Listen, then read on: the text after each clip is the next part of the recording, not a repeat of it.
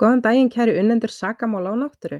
Ég er þáttastjórnandinn ykkar, Rakel, og áður en ég byrja þáttin í dag, þá er ég með innihaldsviðvörun fyrir þennan þátt, en hann inniheldur meðal annars morð á börnum og kynferðslegt ofbeldi án þess að fari verði inn einn smáatriði. Mér finnst betra að láta vita fyrirfram þar sem það er ekki allir sem meika eða vilja hlusta á ofbeldi gegn börnum. Einnig vil ég vinna, minna ykkur á að þið geti alltaf haft samband við mig gegnum Facebook síðu ótaði sjópiðum. En í dag fyrir við til Kanada, nánar tiltekið 5 klukkustundir vestur af Vancouver í British Columbia til útivistasvæði sem nefnist Wells Grey Park. Garðurinn er mjög afskektur og nær flatamál hans yfir 5.000 ferkilometra af víðerni og fjallandi sem byggt er upp af eldfjallavirkni á hlýskeiðum en rofi niður af jökultímum sem skilar landslæginu jafn mikilfenglegu og raunberi vitni. Hér er gífilega fjölbreytt dýralíf og fjöldin allir á fossum og ám og nær fjöldi ferðamanna á svæðinu þremur og hálfur miljón ár hvert. En það var á þessum töfrandi stað árið 1982 sem sex manna fjölskylda var myrt á hrottafengin hátt og varð málið eitt umtalaðasta morðmál í sögu Kanada. Þú ert að hlusta á ódæði í óbyðum.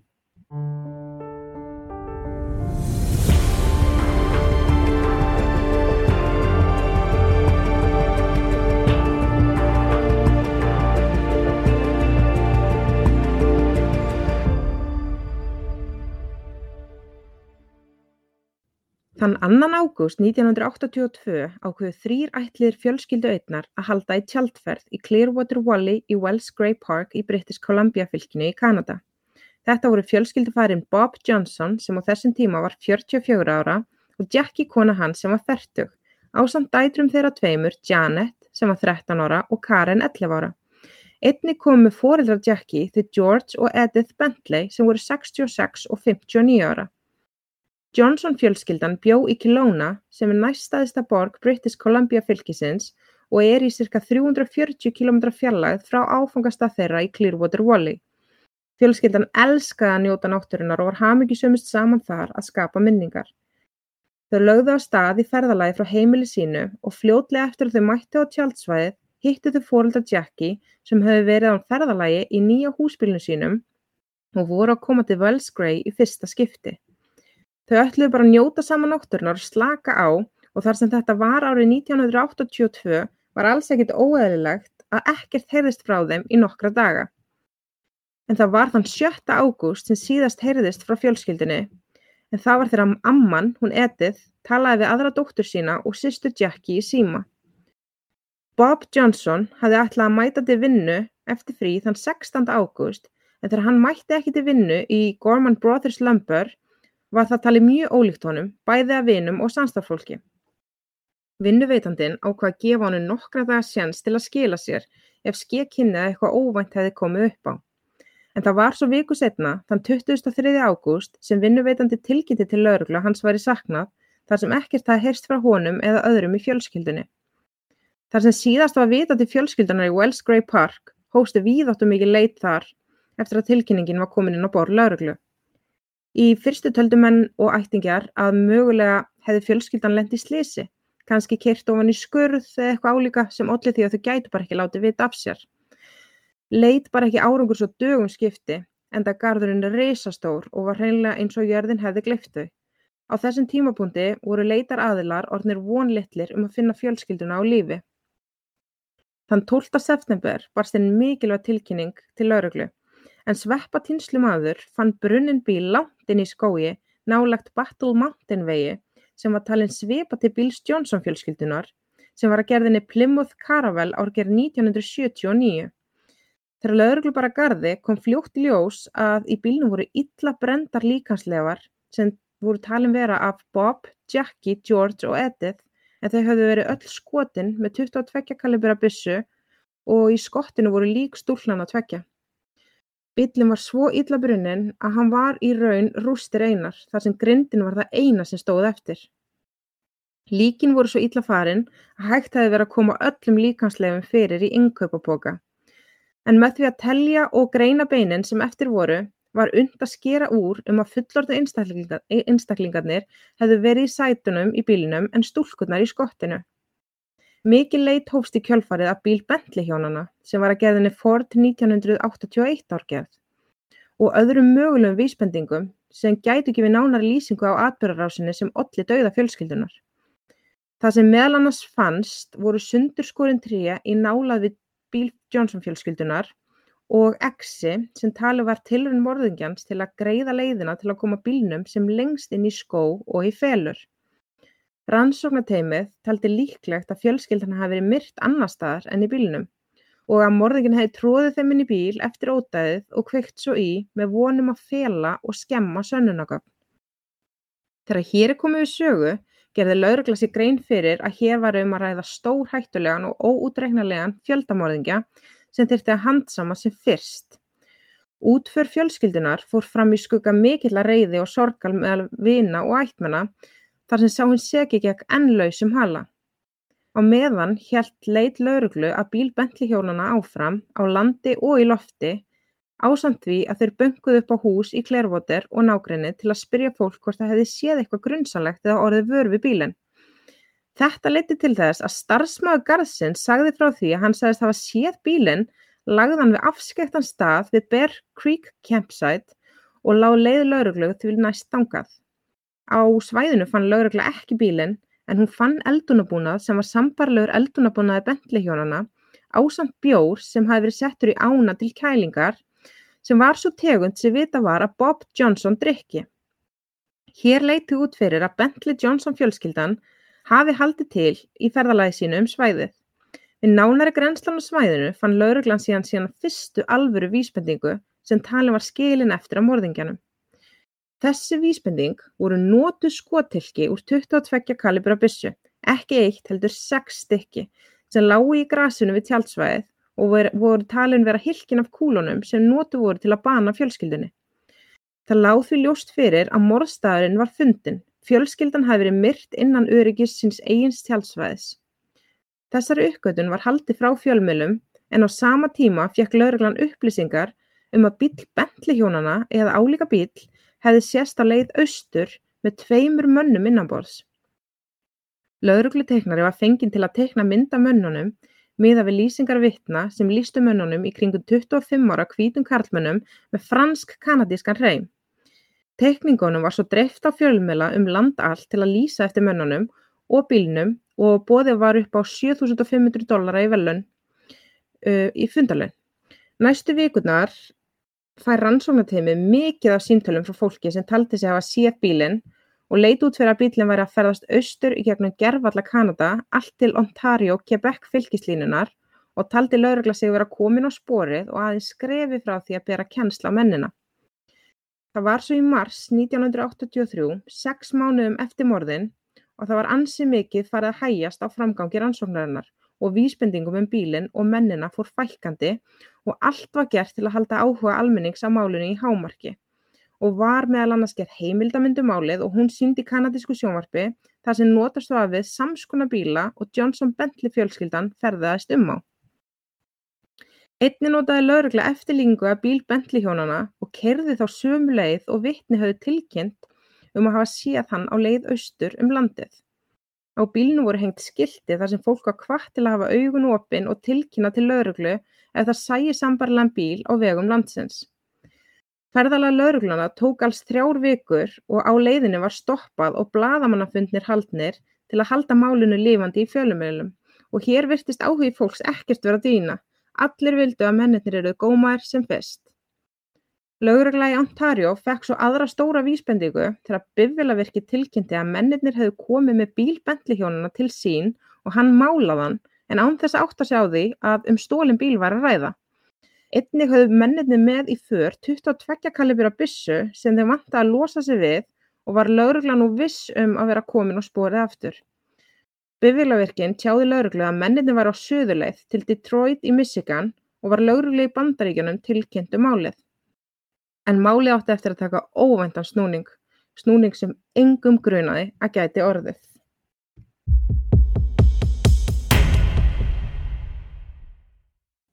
Það var þann 18. oktober 1983, rúmu ári eftir morðin, að bíl Bentley-hjónana fannst á afskjöktum vegi á Trófífjalli innan Wells Gray Park af tveimur starfsmunum skóraktar aðeins nokkrum kílómetrum frá morstanum. Bíllinn var það vel falinn að hann hafði aldrei sést úr eftirlitsflugi. Líkt og með bíl Johnson fjölskyldunar hafði bíll Bentley hjónana verið brendur til kaldra kóla og augljóst var að lögreglan hafi verið að eltast við rangan bíl og falskar vísbendingar í heilt ár. Var málið allt í vandræðalegasta og komst lögreglan í raun aldrei að því hvaða menn það voru sem ógum á þessum sambarlega bíl Bentley hjónana og vitni töldu sig hafa séð ferðast austur um landið. Bíllinn í skóginum var myndaður og í kjölfari hýfðu með þyrlu og komið til lauruglunar í Vancouver til nánari skoðunar. En enga nýja vísbendingar fundust við skoðun önnur en svo að bíllinn hafi orðið fyrir skoti úr samskona byssu og notur var við morðin. Þar sem gat var eftir kúlu á flakinu ökumanns megin. Það var deginu ljósara að sá sem kom bílnum fyrir á þessum stað var vel kunnugur staðháttum vegna þess hversu einangraður staðurinn var. Nú grunaði lögreglu því að morðinginn væri einhver sem byggi innan svæðisins og var fókusin því settur á að rannsaka þá kenningu og fór lögregla í það aftur að ganga hús úr húsi í leita vísbendingum. Þegar hér er komið við sögu hafði lögreglan fengið og fyllt yfir 13.000 vísbendingum um málið og fengu sendan liðsöka frá öðrum lögregluumdæmum. Tveimur vikum seinna, eftir fjölda samtala og yfirheyrslna, komu lögreglumenn á húsið og hittu þar fyrir par. Í fyrstu taldi parið sig ekkert hafa að segja sem gæti verið merkilegt fyrir framgang málsins, en sagði svo fyrir slisni að ákveðin aðili hafi verið að grenslast fyrir um það hvernig væri hægt að endurskrá aukutæki sem væri með far eftir byssukúlu í annari bílhörðinni. Þessar upplýsingar kvöktu strax áhuga lögreglumanna og komust að því að maðurinn sem um ræðir var David William Shearing, fæddur árið 1959. Lögreglan hafði talað við hann í byrjun rannsóknar sinnar eins og við flest alla sem byggu á svæðinu á þeim tíma og hafði ekki þótt hann eitt sérstaklega grunnsalegur. David var hins vegar ekki búsiti lengur á svæðinu en bjói nálu á um námubæ. Lögreglan var nú sannfærð um það að David hafði upplýsingar um morðin, hefði annarkort orðið vittni að þeim eða sá sem framdi ódæðin. David var ekki með hreina sakaskrá en hann hafði verið stoppaður og handtekinn af lögreglu vegna innbrota í bíla í nákvæmni við núverandi heimili sitt. Þann 16. november 1983 hóf lögregla eftirlit með ferðum Davids á meðan unni var að því að sapna sönnunagögnum til að bendla hann við morðin. Ákveði var að lögreglumæður myndi nálgast hann og vinna upp hjá hann tröst og byggði hann í kjölfarið um að koma og tala við hann á stöðinni, en hann væri ekki neinu klandri. David samþykkti það og fór viljugur með lögreglumanninum í bíl hans og virtist hann rólegur og yfirvegaður allan tíman. Við yfirheysluna þann 19. november var strategía lögregluna svo að byrja að spjalla við hann á léttunótonum og vinna sér svo alltaf nær morðunum en þar sem engin raunveruleg sönnunagögn voru til staðar til að geta bendla David við morðin vonaðist lögreglan eftir að ná fram hjáttningu. David var rólegur í fyrstu en þegar leið á samtal hans við lögregluna byrjaði hann að verða óöruggur og svitnaði mikið og var farin að gruna að ekki væri allt með feldu. Hann var spurður út í glæp sem átti sér stað nokkrum árum fyrr og er varðaði morð og táning sem ekið hafi verið á og gerandin flúið að vettfangi. Lögreglan hefði heyrt að mögulegri aðild Davids og játaði hann á sig þann glæp við yfirhersluna og vonaði að lögreglan hafði ekkit meira á hann. En það var ekki svo. Lögreglan kom sér svo loks að efninu varðandi Johnson Bentley-morðin og í miðju samtali kom David upp um sig. Þegar lögreglan spurði hann hvort hann myndi hvar morðin hefði verið framun og hann svaraði því að það hefði verið við Bear Creek tjaldsvæðið. Þessar upplýsingar voru hins vegar ekki að vitorða almennings og vissi því lögregla strax á þessari stundu að hann væri maðurinn sem þeir höfðu leitað af. Hann lókum brotnaði David niður og játa á sig morðin. David var 24 ára þegar hann var handtekinn og kærður fyrir morð af annarri gráðu af fjölskyldumeðlumunum sex. Nánari rannsók málsins leiddi í ljós að hann myrti Bob, Jackie, George og Edith vegna þess að þau stóði í vegi fyrir því að hann næði til stúlknana tvekja sem hann hafi fylst með í nokkra daga og nokkru kvöld.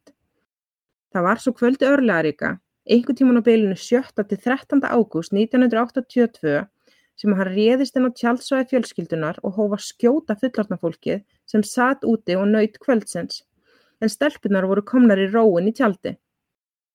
Í fyrstu sagðist hann hafa skoti alla strax, líka stúlkutna tvær í tjaldinu og morðin hefði verið framinn með það markmið að ræna búnaði fjölskyldunar.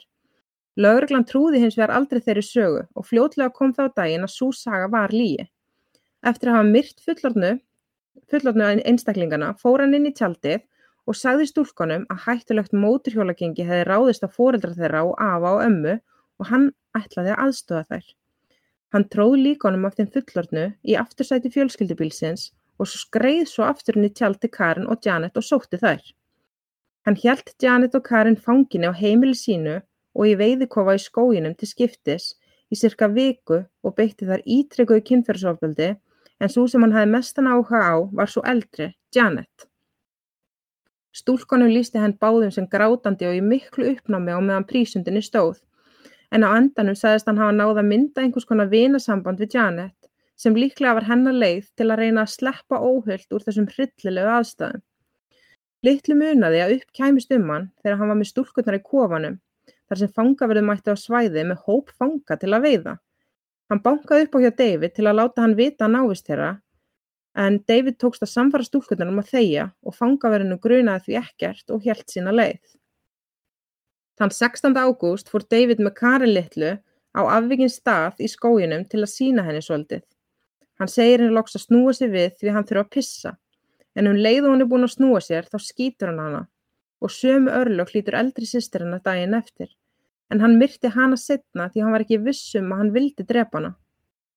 Í kjölfarið hlóð hann þeim svo í skottið á bíl Johnson fjölskyldunar og kveikti loks í. David fór með lauruglumönunum með um svæðið og listi atbyrðarásinni í smáadriðum ásamt því að aðfenda morðvapnið sem hann hafði í sinni vörslu. Hann játaði að þar sem hann komst upp með fyrra morð eftir að hafa keirt á táningin þá stegumagnaðist hegðun hans upp úr öllu valdi sem leiddi til þessa harmleiks. David Shearing, sem nú gengur undir nafninu David Ennis, þar sem hann tók upp eftirnátt móður sinnar, er á 63. aldursári og játaði brot sín fyrir rétti árið 1984 og hlaut fyrir viki lífstíða fangelsi með möguleika og reynslulausna að 25 árum liðnum sem var hæðsta refsing sem var í bóði samkvæmt kanadísku lögum. Hann sótti síðast um reynslulausn árið 2021 en var neitað eftir að tjáð fulltrúi skilásnefndarinnar að hann væri enn með fantasíur um nauðgun og morð sem hann hafi haft frá unglingsárum. Skilásnefndin fekk að hlusta á nýju yfirlýsingar gegn því að hann fengi reynslulausn og var húnum meðal annars list sem skrimslinu í skóginum og að atvöki var eins og handriðar hryllingsmynd. Æsku vinkuna Janet Littlu, Tammy, setti að stað undirskreftalista til að mótmála reynslulaust David og sagði þar orðrétt Sex manns dóu vegna þess að þau vildu hann, hann vildi þau dáin.